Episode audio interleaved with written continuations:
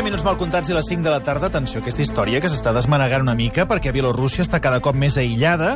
Grans companyies aèries com Air France, KLM, Finnair, Ryanair, Singapore Airlines, Lufthansa han suspès els vols sobre el país liderat per Lukashenko després que la Unió Europea hagi decidit aïllar Bielorússia per via aèria. Sí, el tancament de l'espai aeri a Bielorússia ha estat la resposta dels líders europeus després que aquest diumenge el règim d'Alexander Lukashenko desviés un avió comercial de Ryanair que volava d'Atenes a Vilnius, la capital de Lituània, per detenir el periodista dissident Roman Protasevich. Els líders europeus també han aprovat sancions econòmiques i contra els individus que han participat en aquest segrest. Mentrestant, el govern bielorús ha difós un vídeo del periodista detingut en què assegura que es troba bé i no l'han maltractat. No tinc cap problema de salut, cap problema de cor ni cap malaltia a cap òrgan. La policia em tracta bé, d'acord amb la llei. Col·laboro amb la investigació i he confessat haver organitzat protestes massives a Minsk. La família del periodista, Roman Protasevich, no dona cap credibilitat a aquestes declaracions. La mare del reporter assegura que ha rebut una trucada que l'avisava que el seu fill estava ingressat en estat crític per un problema cardíac. És un plaer, com sempre, saludar a aquesta hora el periodista Xavier Mas de Xeixàs, corresponsal diplomàtic de La Vanguardia. Xavier, bona tarda. Hola, bona tarda, què tal? El Xavier, molt bé. En fi, eh, jo ho deia abans, eh, m'ha sonat una imatge d'altres èpoques, no?, quan hi havia un avió, en aquest cas un avió comercial, que era obligat a aturar-se en, un, en, en un aeroport. Eh, m'ha recordat altres moments, en aquella famosa època dels, dels segrestos, no?, de, de, de les bombes als Sí. avions, però és que estem parlant de l'Europa contemporània, l'Europa actual, i tot això per detenir un periodista. Sí, eh, bueno, es tracta d'una dictadura, no? Com molt bé explicaves, Marc, una dictadura d'aquest eh, règim tan vinculat a Rússia que pot fer el que vol per mantenir-se en el poder, no?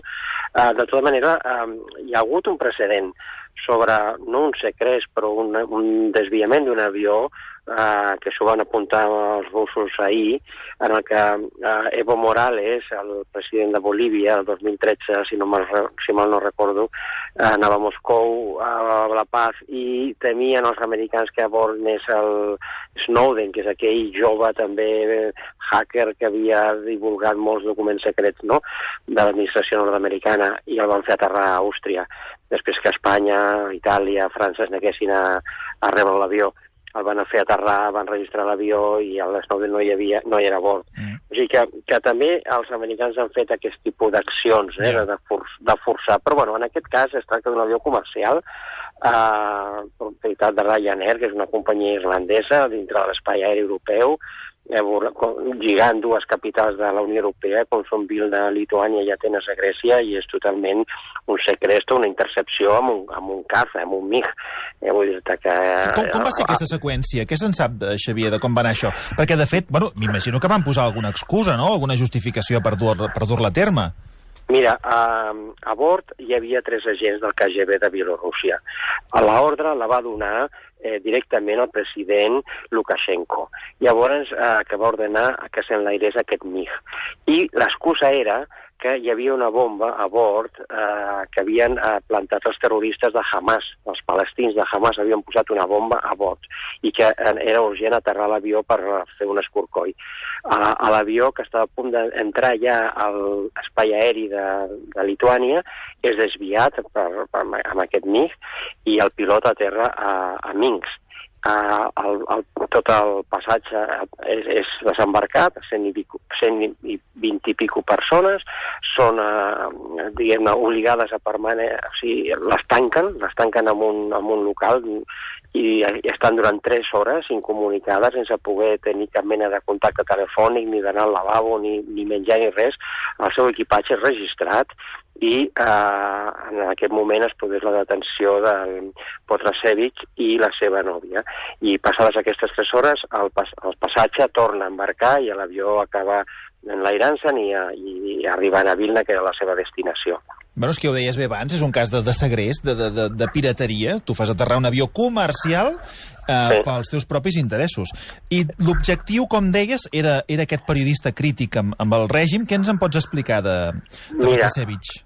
Protasevich és un home d'uns 26 anys que ja fa anys que es dedica a difondre la, eh, diguem-ne, missatges i eh, de l'oposició democràtica de Bielorússia, que ja fa anys que protesten.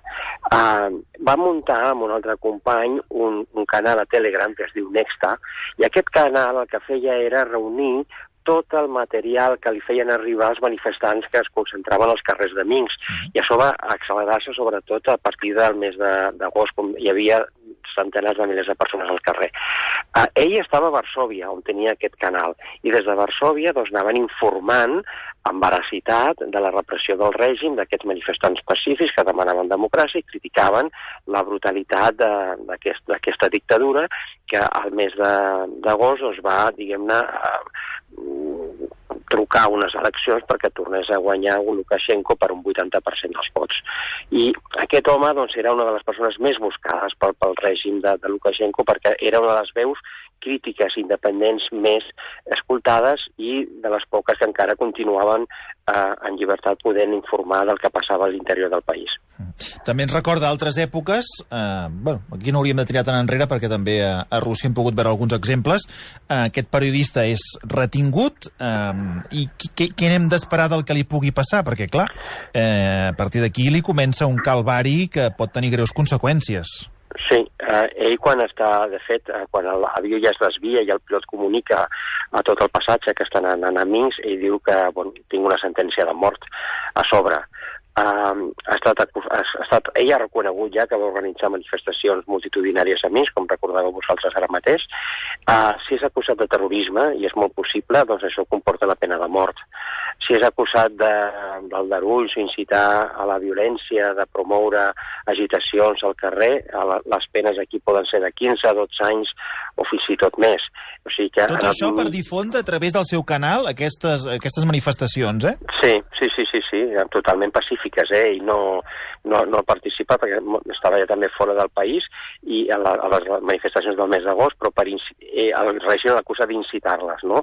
El fet d'informar, d'informar d'aquestes manifestacions és com incitar la gent a que sortís al carrer a manifestar-se contra el règim de Lukashenko.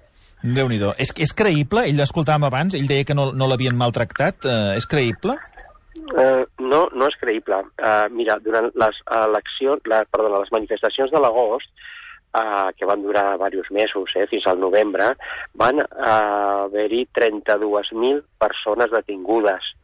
D'aquestes 32.000 persones detingudes, un terç, unes 10.000, van ser torturades. Ho van dir elles mateixes quan van recobrar la llibertat, ho va dir l'oposició i està demostradíssim. O sigui que és molt possible que, que, que Protashevi hagi estat eh, maltractat. Bueno, els seus pares ho denuncien, no? Eh... Sí, els seus pares ho diuen. Eh, evidentment, aquest, aquest testimoni que ella ha fet davant aquesta càmera doncs, no és creïble perquè no ha tingut, eh, diguem-ne, la visita de, ni de la Creu Roja, d'un advocat independent, ningú sap realment com està. Doncs quin veí que té la Unió Europea, mm. no? Eh, realment, Xavier? Sí. Sí, eh, la Unió Europea eh, aquí té, un, bueno, té uns quants veïns complicats, eh, la Unió Europea. Sí, a vegades els veïns són molt conflictius i quan se t'ajunten sí. uns quants... Sí, eh, i el flanc sud també, no?, amb el, amb el Marroc i Líbia i més, també és complicat. Però, bueno, aquí, en el cas de Bielorússia, és una relació està molt viciada eh, des de fa molts anys, perquè Lukashenko, no oblidem, es diu que és el darrer dictador d'Europa, és un home que porta el poder des de sempre, eh? Ja quan, abans, de la Unió, abans de la Bielorússia, quan Bielorússia forma part de la Unió Soviètica, eh, i ell quan cau la Unió Soviètica i Bielorússia esdevé un estat independent, doncs continua en el poder eh, amb aquesta paripel democràtic, no? guanyant eleccions per amplíssimes majories una rere l'altra. Um, la Unió Europea ha imposat sancions a Bielorússia, moltes, eh, des del 2004, embargament d'armes, eh, sancions econòmiques al seu lideratge, etc. no? i no han tingut cap efecte no ha tingut cap efecte o és allò que potser la Unió Europea, senyor Marcelí, que ara està en aquell punt, la Unió mm. Europea, que diu mm. és un moment de sancions econòmiques, de fortes sancions econòmiques, sí. de donar un cop de puny damunt la taula, però de vegades, sí. eh, Xavier, sí. el cop de puny no s'acaba de donar ben, ben fort, no? Eh, no? No sé. Em dius que, que, que, que ja és un... És a dir, que, que, que porta ja Bielorússia patint eh, sancions econòmiques importants, però vaja, eh, fixa la reacció, no, també? No, clar, perquè no tenen cap efecte, perquè al, al, al final Bielorússia té el suport de Moscou. Ja. I, aquesta, I aquesta és la clau. Um, per moltes sancions que li posis a Bielorússia, Bielorússia sempre podrà tenir l'assistència de Rússia, eh, de Bielorússia.